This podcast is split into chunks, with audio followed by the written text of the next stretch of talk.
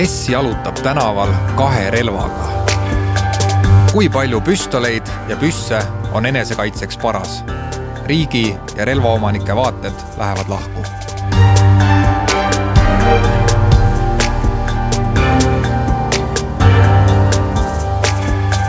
ühel kevadhommikul avastas lavamehena töötav Sten oma maja hoovi pealt kirve, võõra kirve. lebas too üsna kuuri lähedal kellelgi oli plaan vist sisse murda või uurida, kas kuuris leidub midagi head. samas keegi või miski takistas teda, muidu poleks sissetungija kirvest maha visanud ega jalga lasknud, arvab ta.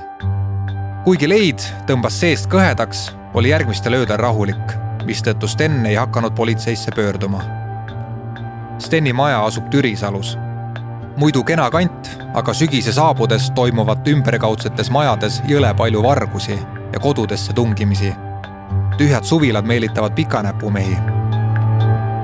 Need on mõned põhjused, miks hakkas Sten eelmisel sügisel kolmandat tulirelva taotlema. ta peabki end relvaentusiastiks. relv peab pakkuma elamuse, iga lask peab olema elamus, ütleb ta sisendusjõuliselt sünnipäevaks kingitakse talle tihti laskepakette mõnes lasketiirus. varem on ta soetanud vanu, isegi ajaloolisi relvi. tema Keila korteris seisab püstol TT kolmkümmend kolm, mida kasutas Punaarmee. teine relv, pikk püss, asub sealsamas Türisalus. see on paras Frankenstein. tal on Soome vintpüssi raud ja Vene vintpüssi lukk nagu Mosin Nagant, kirjeldab Sten, viidates Vene keisririigis toodetud poltlukuga püssile. kolmandaks enesekaitserelvaks soovis ta midagi kaasaegsemat. no mingid sileraudsed, mis oleks lihtne, võimas, töökindel. pumppüssi noh. ta valis välja Winchester SXB, millega saab lasta nii haavlit, kuuli, kummikuuli kui ka soola. klassikaline enesekaitserelv maamajas kui esimese ja teise tulirelva saamine läks pigem kergelt, siis pumppüssi pole Stenil siiani. ta on vahetanud Politsei- ja Piirivalveameti ehk PPA menetlejaga portsu kirju, rõhunud oma põhjendustes kord enese- ja varakaitsele, kord laskeharrastusele, isegi huvi ajalooliste relvade kollektsioneerimise vastu on maininud. lõpuks lootis ta lihtsalt vastutulelikuma politseiametniku peale. ei midagi Teie põhjendused ei veena meid, vastatakse talle siiani. Sten on nõutu. aastaid tagasi polnuks järgmise relva jaoks loa saamine olnud mingi probleem. tal on tuttavaid, kel seisab kodus enese ja vara kaitseks kaheksa relva, nende hulgas mitmeid pikki püsse. midagi on muutunud, näib, et on täitsa võimatu ära selgitada, miks on enesekaitseks tarvis rohkem kui üht relva, ohkab ta Sten pole ainuke. taolisi näiteid leiab viimasest aastast hulgi.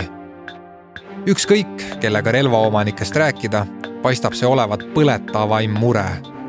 lube uusi püsse ja püstoleid hankida lihtsalt enam ei anta. kas varsti võetakse üldse relvad käest? mis on Eesti relvapoliitikas muutunud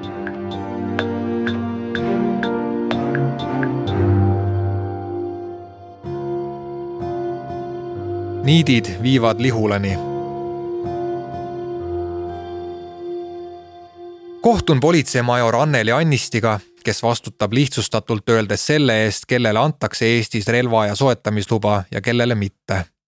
tema alluvuses töötab eri prefektuurides üle kolmekümne inimese, kes relvaomanike ja taotlejatega igapäevaselt tegelevad.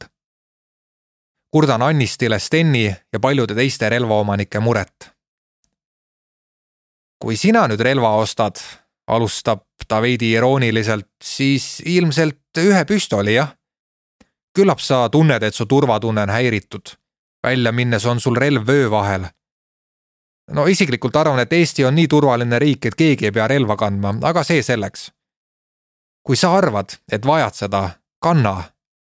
aga kui sa tahad nüüd teist relva, veel üht püstolit, siis ma küsiks selle peale, kuidas sa kujutad ette kahe relvaga ringi käimist. selliseid küsimusi politsei relvaomanikelt küsibki.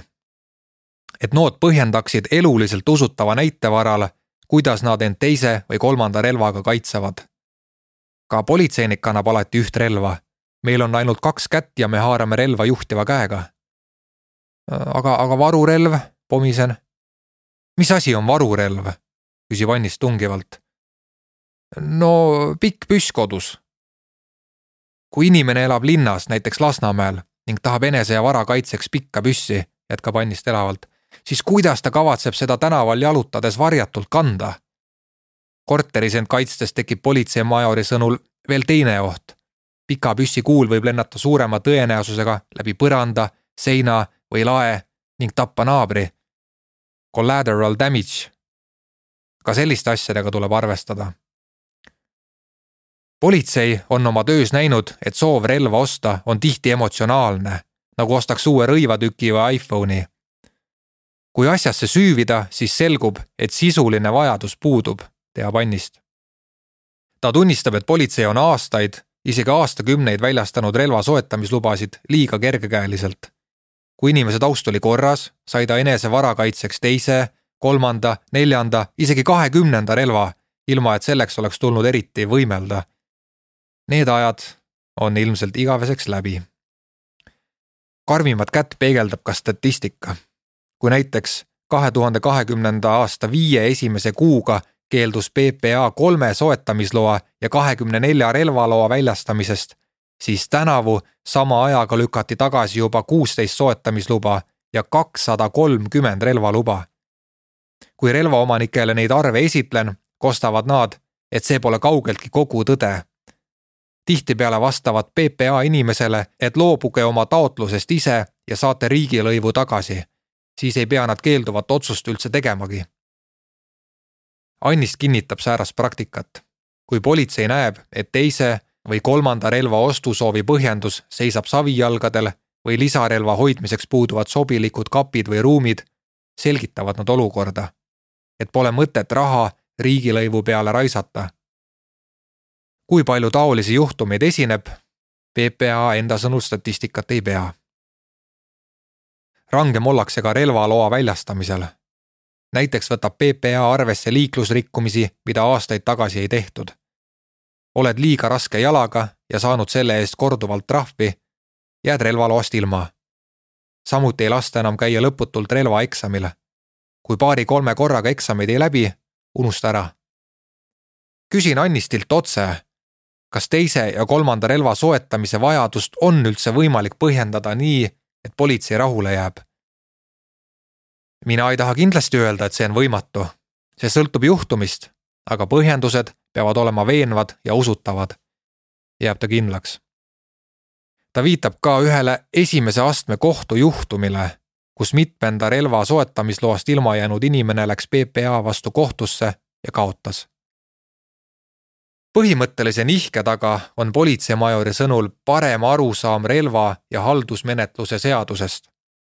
me ei saa relva ja soetamislubasid lups ja lups väljastada. me oleme nüüd targemad ja küsime küsimusi, mida varem ei küsitud. kui see tähendab, et oleme karmimad, siis jah. aga see pole eraldi eesmärk.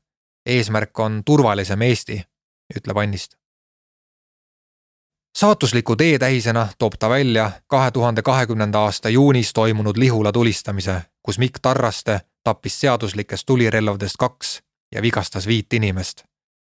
pärast seda traagilist sündmust vaatas PPA üle oma põhimõtted, sõnastas menetlejatele uued juhendid. nüüd teeme kvaliteetsemaid otsuseid ka selleks, et vähendada taoliste õuduste kordumise tõenäosust tulevikus. Annistil on ettepanek ka relvaseaduse täiendamiseks nimelt võiks seal olla piirarv, kui palju tulirelvi võib eraisik enese ja vara kaitseks omada. lagi lihtsustaks oluliselt meie tööd. täna kaalume iga taotlust eraldi ja keeldumise korral peame otsust põhjendama, räägib ta. mitmest relvast me räägime, Annist öelda ei taha. see olevat siseministeeriumi rida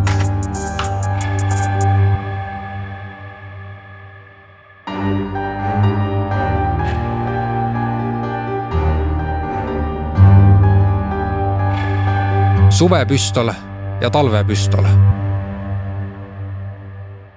kui IT-spetsialist Vootele Voit kahe tuhande kuueteistkümnendal aastal relvaloa sai, otsustas ta, et hangib alustuseks kohe kaks püstolit.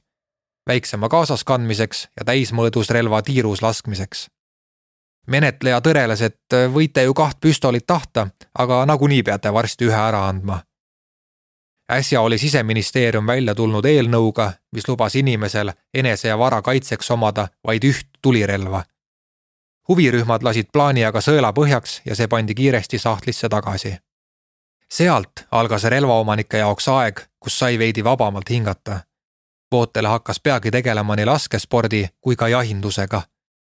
relvi sai kokku ostetud täitsa omajagu, meenutab ta ehkki Vootele staaž relvaomanikuna pole teab mis pikk, on ta kiiresti tõusnud Eesti relvaomanike üheks väljapaistvamaks eestkõnelejaks. lisaks kuulub ta Eesti Relvaomanike Liidu juhatusse. seal on neil vahetu teadmine, mis tuuled parasjagu puhuvad. ta meenutab, et kahe tuhande kahekümne esimesel aastal ilmnesid märgid, et relva saamine ei lähe enam nii libedalt. liidu poole pöördusid kümned ja kümned mures inimesed Vootele on seda ka omal nahal tundnud. ta pidi viimast soetamisluba ootama üle kahe kuu, mis on rohkem kui seaduses ette nähtud aeg. olin oma suhtluses mõistev ja viisakas, esitasin veenvad vastused ning sain rohelise tule, ütleb relvaomanik. samas teab ta paljusid teisi, kel pole see õnnestunud. siit jõuabki Vootele probleemi tuumani relvaomanikud ei saa aru, mida politsei neilt ootab ja millest otsuste tegemisel lähtub. ta viitab relvaseadusele, mis ei nõua taotlejalt põhjendamist, miks ta relva soovib. ega sea ka ülempiiri, mitu püssi või püstolit võib kellelgi kodus olla. osa inimesi on kirjutanud terveid esseid, aga politsei ütleb, et põhjendused pole piisavad. seevastu teiste selgitused lähevad jällegi läbi. senikaua, kuni loa saamine ja sellest keeldumise tingimused pole täpselt fikseeritud, tundub meile, et otsus sõltub ametniku suvast. aga nii ju õigusriigis ei saa. vahendan Annisti juttu uuest lähenemisest ja majasisesest juhendist. väga tore, aga meie pole seda näinud, vastab ta ja viib huvitaval kombel jutu samale kohtuotsusele, millest rääkis ka politseimajor Vootele teab kaebajat, kaebuse sisu ning sedagi, et esimese astme otsus kaevatakse edasi. küllap lõplik tõde selgubki alles Riigikohtus.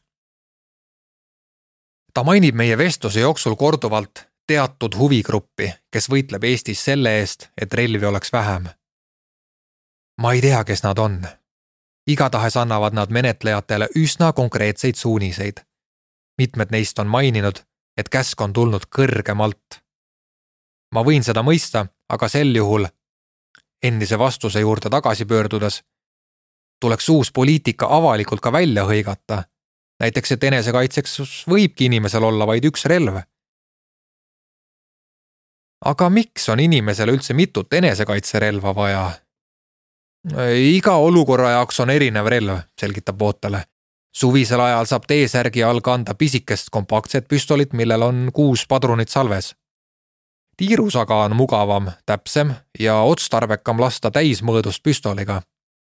see mahub talvel ka jope alla. kui aga inimene elab eraldatud talus või käib suviti maakodus, sobib jällegi sileraudne püss, millega metslooma, näiteks soovile tulnud karu, eemale peletada. siinkohal ei jaga Vootele PPA hirmu, et pikk püss oleks enesekaitsel kuidagi ohtlikum. võin tuua näite kus viie koma viiekümne kuue kaliibrilise vintpüssi kuul seinaga kokku põrgates killunes, aga püstolikuul läks sirgelt läbi seina. sama lugu olevat pumppüssiga.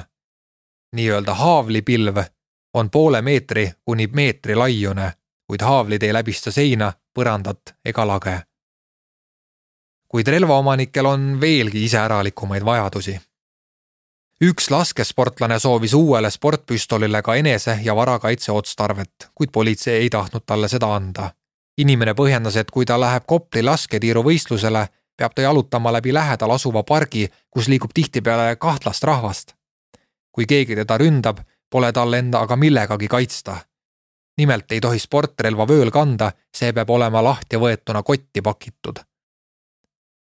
Enda kohta ütleb Vootele nii palju, et kui ta päevasel ajal kesklinna ametiasutustesse asju ajama läheb, siis tavaliselt tal relva kaasas pole. kui aga Pirital või Lasnamäe Veerumaal õhtul pika jalutuskäigu teeb, on püstol vööl. on ette tulnud igasugu ebameeldivaid tüüpe. jõlguvad ringi alko- ja narkojoobes tegelased, kes hõikavad suitsu on, peksa tahad, kirjeldab ta, kuid lisab kiiresti, et tarvidust olukorda eskaleerida pole õnneks olnud relvaomanike seas on juba aastaid teada üks võlusõna, laskesport, mis avab uksed uutele relvadele ja suurematele laskemoonakogustele. tegelasi, kes ihkavad vaid sportlase privileege, on küll ja veel. samas käivad laskesportlase litsentsiga kaasas kohustused. peab liituma klubiga, käima regulaarselt treenimas ja võistlustel Vootele hinnangul on aga vale panna inimestele kunstlik surve hakata sportlaseks. see, kui sa tahad autoga oma lõbuks sõita, ei tähenda ju, et sa tegeled kohe ralliga. ka laskeklubidele ei meeldi surnud hinged. seetõttu pakub ta, võiks arutada seadusesse uue kategooria lisamist. et jahinduse, laskespordi ning enese ja vara kaitse kõrval võiks relva taotleda ka laskeharrastusega tegelemiseks. Neid inimesi, kellele meeldivad relvad ning kes käivad kord kuus lasketiirus paugutamas, on relvaomanike hulgas väga palju. olukordi, kus keegi kasutaks relva enese ja vara kaitseks, õnneks väga vähe. seetõttu vastaks laskeharrastuse otstarve tegelikkusele isegi paremini, usub Vootele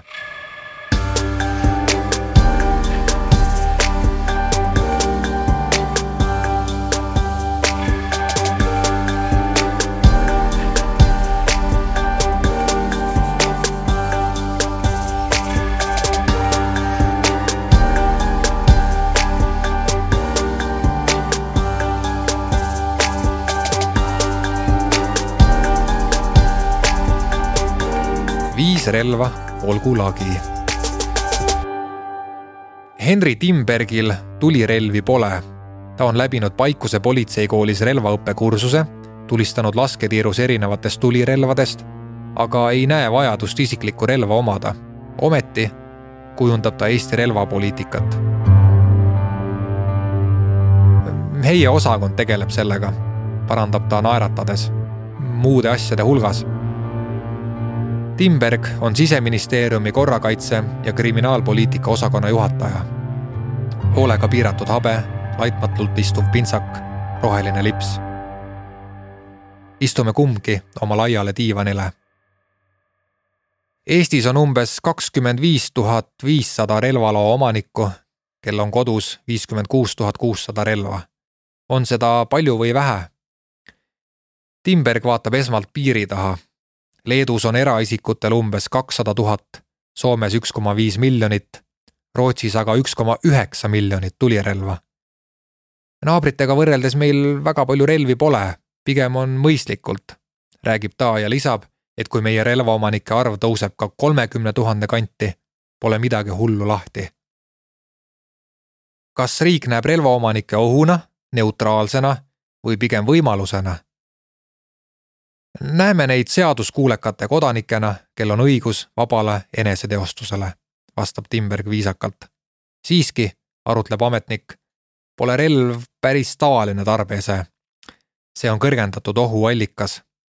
aga selleks võib pidada ka autot, kuigi relva ja autot ei saa päris ühte patta panna. ma nimetaks relva pigem luksusesemeks, võtab ta kokku jääme korraks pidama ka küsimustel, kas ja kuidas saab eraisikust relvaomanikku riigikaitses kasutada. sõjaolukorras, kus vaenlane tahab meie territooriumi okupeerida, võib nende roll oluline olla. tuleb kasuks, kui meil on inimesed, kes oskavad relvi kasutada, leiab ta. konkreetset plaani aga pole. sõjalist riigikaitset korraldab ikkagi Kaitseministeerium ja Kaitsevägi. Nemad annavad väljaõppe ja varustuse sealhulgas relvad. lisaks paneb Timberg südamele, et kui kodanikud hakkavad partisanivõitlusega tegelema, osalevad nad lahingtegevuses, kus võib suurema tõenäosusega surma saada. teisisõnu, see teema tuleb veel iga kandi pealt läbi mõelda. seejärel jõuame kõige põletavama probleemini, vähemalt relvaomanike jaoks. et ühe relva soetamisloa saab, aga sealt edasi on paras häda ja vaev. Meil pole lage, kui palju võib inimene enese ja vara kaitseks tulirelvi omada. samas kuskil jookseb mõistlikkuse piir. kui inimene tuleb juba kahekümnendat relva küsima, valib Timberg hoolega sõnu. Need, kes tahavad enesekaitseks üht relva, saavad selle.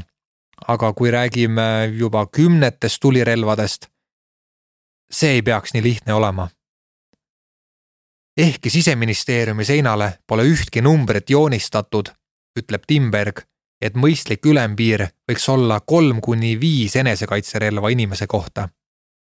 see on mu isiklik arvamus, tõttab ta täpsustama. enne seadusesse kirjutamist tuleks seda ühiskonnas kindlasti arutada. sarnaselt Annistiga mainib ta Lihula tulistamist. ta nimetab seda hirmsaks kuriteoks, mille sarnast pole viimase kümnendi jooksul Eestis ette tulnud seetõttu mõjutas see väga palju Eesti relvapoliitikat. näiteks sündis sellest otsus, et inimesed, kes on varem süüdi mõistetud tapmises, mõrvas või riigivastases teos, ei saa enam kunagi relva. küsin, kas võime kruvide kinnikeeramisega jõuda sinnani, et riik korjab omanikelt üleliigsed tulirelvad sootuks käest. Timberg raputab pead, pidades seda väga ebatõenäoliseks. ka pika püssi omamist ei keelata täisautomaate, mille päästikule vajutades saab tekitada valangu, aga ei tule. siin tuleb vastu Euroopa Liidu relvadirektiiv. lisaks ei näe me tsiviilis valdkonda, kus sel praktiline otstarve oleks, selgitab Timberg.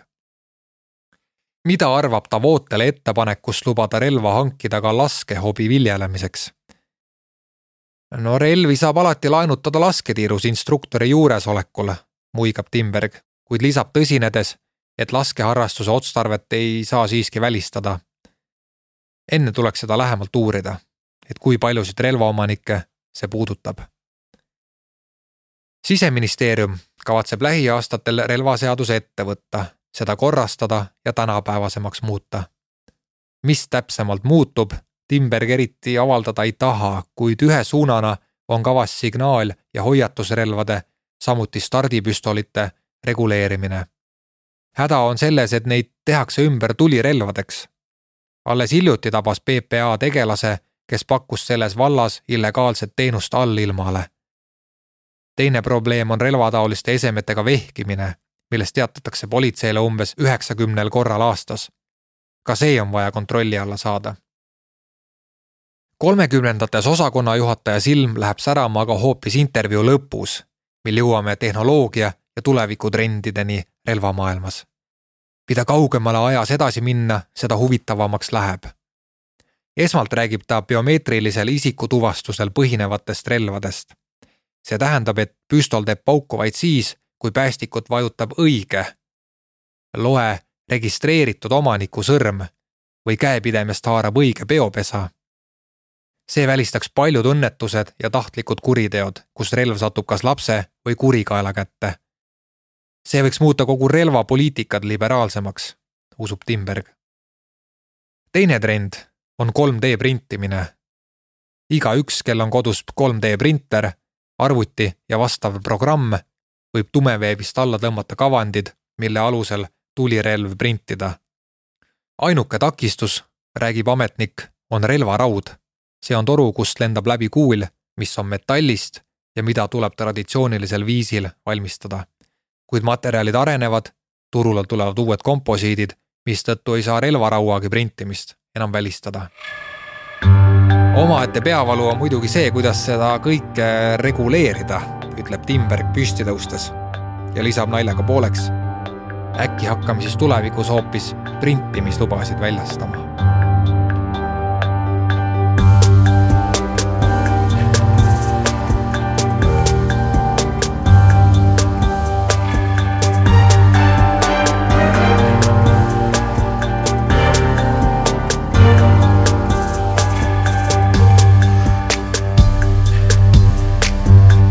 luges loo autor Lennart Ruuda, salvestus, originaalmuusika ja helikujundus Janek Murd.